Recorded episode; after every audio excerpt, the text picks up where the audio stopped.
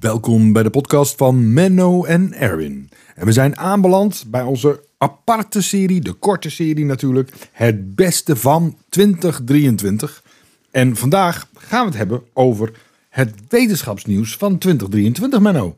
Ja, en dat, dat, dat is, dan zeg je zo heel luchthartig, nou dat doen we even. Ja, Maar daar ben ik toch even mee bezig geweest. Het is ongelooflijk wat er in één zo'n jaar allemaal op je afkomt. aan nieuws. Ja, Ja. dat is eh, niet te geloven. Ik, en ik heb echt, misschien best een beetje willekeurig, maar ik, ik, heb, er, ik heb er een aantal uitgepikt. Ja, Ik zag toevallig dat eh, Nature had ook een top 10. Ik, ik, daar zaten er een paar van die ik ook wel had. nou goed, maar Eh, het, is, dus- ook, het is ook ons nieuws. Hè? Dat mag. Zo is het. Dus eh, ja, Precies.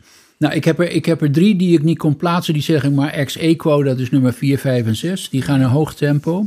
Ten eerste is er voor de eerste keer een, eh, een nieuw medicijn... wat misschien toch echt wat gaat doen aan Alzheimer. Leqembi. Het is Dat- toegelaten. dat is toch heel bijzonder, Menno. Want, Ja. want ik dacht dat ze niet dachten dat ze daar echt makkelijk een, een Nee. medicijn voor zouden vinden. Nee, en, en we zitten nog steeds in het stadium dat het het vertraagt. Dus het is niet dat het het, het weghaalt. En eh, de hele basale dingen die... Nou ja, vertragen is ook eh, elke dag extra leven Precies. met meer hersens is het mooi Ja, toch? nee, dus, dus het is en wat dat betreft echt wel een doorbraakje. En het is heel mooi dat het eh, gebeurt. Nou, nou, nou, in dat rijtje hoort er ook eentje die jou heel veel plezier dan zal doen. Dat is Google, heeft een Google DeepMind, Ja, heeft een Graphcast. En daarmee hebben ze een model opgezet, een tiendaagse weersvoorspelling, die beter is dan welke meteoroloog het ook kan doen. ja. En dat is dus artificial intelligence, AI. Die is dus beter dan de gemiddelde meteoroloog. Ze zijn er heel trots op. We zullen de, de, de referentie er even opzetten. DeepMind Google Discover. Ehm, Ja, en, en ik moet ook zeggen dat de afgelopen twee weken is ook de nieuwste model van Google op AI-gebied, eh, Gemini, is ge- geïntroduceerd. Dus we krijgen ook een beetje competitie. Hè? Want we hebben het natuurlijk een keer gehad over ChatGPT. Dat was natuurlijk een bedrijf in zijn eentje. Maar ik bedoel, er zijn echt nog drie, vier grote spelers die nu mee gaan doen. Ja. ja, en competitie is alleen maar goed natuurlijk. ja. Nou, ben, ben jij een, eh, een Star Trek liefhebber? Nou, niet dat ik alles bij naam weet. Nee, Nee, maar- Picard, dat weet ik nog. Ja, ja. Ja, maar dan... En maar wormgaat en dat soort dingen. Ja, vind ik prachtig, tuurlijk, ja. nou, Ja, Nou, wat er aan de hand is, en dat is eigenlijk iets, dat, dat is nieuws. Dat, dat, dat baseert al op iets wat eigenlijk al in 2003 gevonden. In 2003 is er gevonden dat er geluid te registreren is rond het ontstaan van zwarte gaten. In de omgeving daarvan is, het, is, het, eh, is, een, is een heel raar geluidsontwikkeling. Dat eh, is een techniek die noemen ze sonificatie. Daar kunnen ze dus geluid erop zetten. Ze vertalen golven in, in werkelijk hoorbaar geluid. Nou, nu hebben ze ontdekt dat er eh, een soort tweepiekige verdeling van geluidsgolven bij soort, verschillende soorten zwarte gaten is, zijn. Eh, dat die geluidsgolven van 2003, daar geven we ook de referentie even van. Daar Ja. is een YouTube-filmpje van. Dat is echt wel spannend om te zien. Ja. Maar nu, eh, nu zijn er een soort dubbele zwarte gaten gevonden. En, en er zijn een paar wetenschappers die suggereren dat daar tussenin dan een wormgat zou zijn. Oeh. Want wormgat is niet wetenschappelijk. eh, nee, nee, dat- tot nu toe dat- is dat het. wordt is gezegd het, van, het is wel grappig fantasie, dat er- toch? Of- ja, of- ja. het is wel grappig dat heel veel dingen in Star Trek zijn gewoon ja, ja. uit de duim gezogen aan de Ja. ene kant. Maar voor een deel worden ze dus werkelijkheid aan de andere kant. nou, wel grappig. ja, maar wacht, we gaan nog even door, Menno. Want nu Ja, wordt want dit was, dit was zo'n beetje... Ja, nee, maar ik wil nog even door over dat wormgat. Want eh, als een wormgat ontstaat, zouden we in de tijd kunnen reizen. Ja, maar dat ja, goed, en daar begint helemaal- het dan heel ingewikkeld te worden. Want Ja. ga je echt in de tijd reizen. En, eh, en, nou ja, kortom. Het is, maar het, het grappige is dat het voor het eerst op de een of andere manier in een serieuze discussie terecht kan Ja, komen. ja nou, dat vond ik wel heel Ja, grappig. Ja. Nou, dan, eh, dan de serieuze drie. Op nummer drie staat eh, dat wij steeds meer voetafdrukken vinden van hele vroege mensen. En eh, er is nu in dit jaar in, in Neder-Saxe, dus eigenlijk vlakbij ons, zijn voetsporen gevonden van 300.000 jaar oude mensen. De Homo heidelbergiensis, dat is een soort voorloper van de Neandertaler. Oké. En ja, dat is wel heel bizar. En het bijzondere aan die voetsporen is dat je dus weet dat dat... Dus ja, die mensen zijn daar actief geweest. En Ja. voetsporen kan je heel veel aflezen. Ja, ook Kan al- je, Liepen ze al rechtop toen? ja, zeker. Ja, ja. En dus het is vlak over ons grens. 300.000 jaar oude voorouders, zal ik maar zeggen. Maar ehm, is het nou bijzonder dat het 300.000 jaar oud is? ja. Of is het bijzonder dat het in. Ik bedoel, dat, Nee, nee, nee. Dat is, ik- die, die, die bewisten dat die Heidelbergiensis de- daar moest zijn. En dat, dat zie je dan aan skeletresten. En, Ja. en, en, en hier en daar misschien sporen van, van eh, gereedschapgebruik. Maar het is altijd moeizaam. En waar leefden ze dan precies? En een voetstap is een voetstap. Dat is Ja. het bewijs dat hij daar werkelijk was. Het Ja, is een soort eh, detective story. Nee, eh, u was daar. Ja.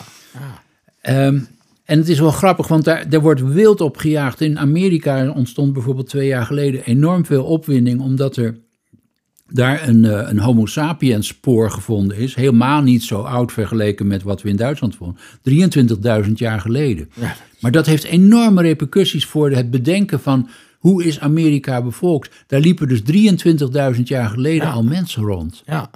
En dat, dat gaat tegen alle verhalen tot nu toe in. Hm. Eh, het is ook onduidelijk waar ze precies vandaan kwamen en hoe dat precies zat. Ja. Maar om te zeggen dat de Indianen de oerinwoners zijn, nou, daar is kan dan- je je vragen ja. bij stellen. Want 23.000 jaar geleden, daar zit nog wel een gat tussen. Maar nog even een voetstap, Menno. Dat is dus waarschijnlijk in een grondlaag of zo. Ja. Dat is niet aan de oppervlakte. Nee, ja, dus op een, op een, in een modderspoor of zo. En die is dan door omstandigheden uitgedroogd bijvoorbeeld en dan gefossiliseerd. Er zijn ook heel veel voetstappen van dinosauriërs gevonden Ja. inmiddels. Dus, en voetstappen, ja, dat heeft iets heel spannends, omdat het geeft iets levens weer. Ja, want dat was wel grappig. We hadden natuurlijk voor de kerst eh, het ook over de kaak. En toen heb Ja. jij gezegd, de 80 kilo kunnen wij, wij kouwen. Dat is heel bijzonder, had Ja. jij gezegd. Maar ja, mijn zoon en ik zaten tv te kijken naar dinosaurussen. Nou, de grootste, sterkste kon 6000 kilo met zijn kaak dicht doen, Menno. Dus ja, Ja, zet ons even weer in stil. perspectief. Ik ben helemaal stil. Maar ja, ik vergelijk jou en mij ook nog niet helemaal met uh, Tyrannosaurus Rex. Nee, dat is ook zo. Ehm, op nummer twee. Ja, die zal jou denk ik ook wel goed doen. Ehm, er is een eh, Europese supercomputer onderweg. Oké. Die, eh, dat zit in het Jules Verne Consortium. Dat is een samenwerking vooral van Frankrijk en Nederland. En daar gaan ze een computer bouwen die eh 1 triljoen berekeningen per seconde kan doen. Dat is dus miljard maal miljard. Het is 10 tot de 18e. Ja, ja. En dat is dus eh, optellen of vermenigvuldiging en dan dus eh, zo'n belachelijk aantal per Ja. seconde. Dat is ongelooflijk. ja. En is dat dan van universiteiten of zo? Dat zijn, het- ja, het is een heel consortium van, van universiteiten, van allerlei wetenschapscentra. Alle gezamenlijke Nederlandse universiteiten hebben zo'n gezamenlijk rekencentrum, een surfprogramma. Die werkt daarmee samen. Eh, ja, en dat is, dat is echt eh, heel bijzonder, want hiermee kan je dus bijvoorbeeld eh, veranderingen in het klimaat over de hele wereld werkelijk doorrekenen. Ja. Allerlei scenario's kan je doorrekenen. Je kan het, nieuwe materialen, energiebronnen, eh, zonnecellen, waterstof, eh, katalyse, windenergie. Dus in eindeloze mogelijkheden die je met zo'n hoge snelheid werkelijk zinnig kan doorberekenen. Ja. En dus ook bijvoorbeeld data uit de ruimte. Dat zijn zulke hoeveelheden data. Daar, kunnen we tot nu toe weinig mee, omdat het gewoon te veel is. Zo'n supercomputer kan er wel. En we gaan dus echt in concurrentie met Amerika. Daar staat. Ja, eh, dat vind ik eigenlijk het bijzonderste, dat het hier is. Hè? Dat het niet in Amerika of China is ja, of zo. nou in Maar, Amerika zijn ze op één stapje verder. Daar komt dit jaar nog de Frontier. Dat is een, eh, een Hewlett Packard eh, eh, onderneming samen met universiteiten. En die heeft eh, een exascale computer. Dat is dus dit eh, 10 tot de 18e berekeningen per seconde. Ja. Dat noem je exascale. En eh, ja, maar wij, wij kunnen houden dus mee. Ik bedoel, wij gaan mee. ja. En eh, wij kunnen daar dus tegenop. Nou, ik vond dat toch wel heel bijzonder. En, eh, Nederland heeft niet zo'n hele grote bijdrage, maar wel een essentiële. Ook financiële, want stoppen we er echt wel wat miljoenen in. ja. Dus we kunnen mee. ja, mooi. Ja, en dat, dat geeft voor de hele wetenschap weer zo'n trigger. Want dat betekent dat er ontzettend veel nieuwe inzichten gaan komen. Omdat je hele grote data eh, eh, hoeveelheden echt kan verwerken. Hm. Op nummer 1 heb ik toch gekozen, in samenspraak met mijn partner, want daar hebben we langer over gediscussieerd. Maar we vinden het toch wel heel belangrijk. Voor de allereerste keer is er een echt, echt, echt goed effectief werkbaar vaccin voor malaria gevonden. Oké, dat is ook bijzonder. En dat is heel bijzonder, want dat, eh, je moet je niet vergeten, meer dan 600.000 doden per jaar. Ja. 250 miljoen infectiegevallen van met malaria per jaar. In Afrika, het is echt een geestel. Heel veel kinderen gaan eraan. Ja. Het kost ongelooflijk veel geld, want degenen die het dan nog wel overleven, nou, die hebben heel veel zorg nodig. Die zijn Ja. hele lange tijd uitgeschakeld. Ja, en eh, het is dus wel gelukt. En, zit daar dan eh, de Bill Gates Foundation achter? Want Nee, die- in dit geval Nee, eh, niet. oh. Het, is een, het is een groep van Oxford zit erachter. En met consortium met, met heel veel anderen. En ze hebben een soort virusachtig deeltje op de, op de echte verwekker van, van malaria, als plasmodium. Hebben ze een, een, op de, op de, eigenlijk op de buitenste membranen hebben ze een eiwit, kunnen ze aanpakken met een soort kunstmatig virus. Wat ze op dat eiwit zetten. En daar, ja, daar, daarmee pak je dat, eh, dat, Ja. die, die verwekker. Oké. Dus het is voor de eerste keer dat het echt effectief lijkt. Er zijn, heel goed, eh, zijn al veel tests gedaan. Het is helemaal vrijgegeven nu. Het is niet heel duur om te maken.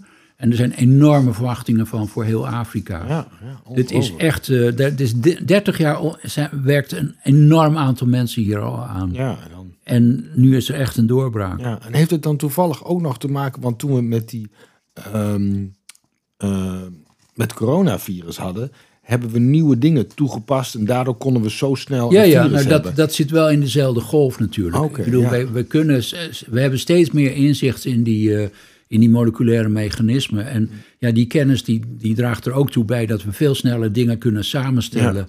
Eh, bijvoorbeeld zo die eiwitpatronen van zo'n van zo'n eh, malariaverwekker kunnen analyseren en dan ja, heel gericht daarop op kunnen inwerken. Hm.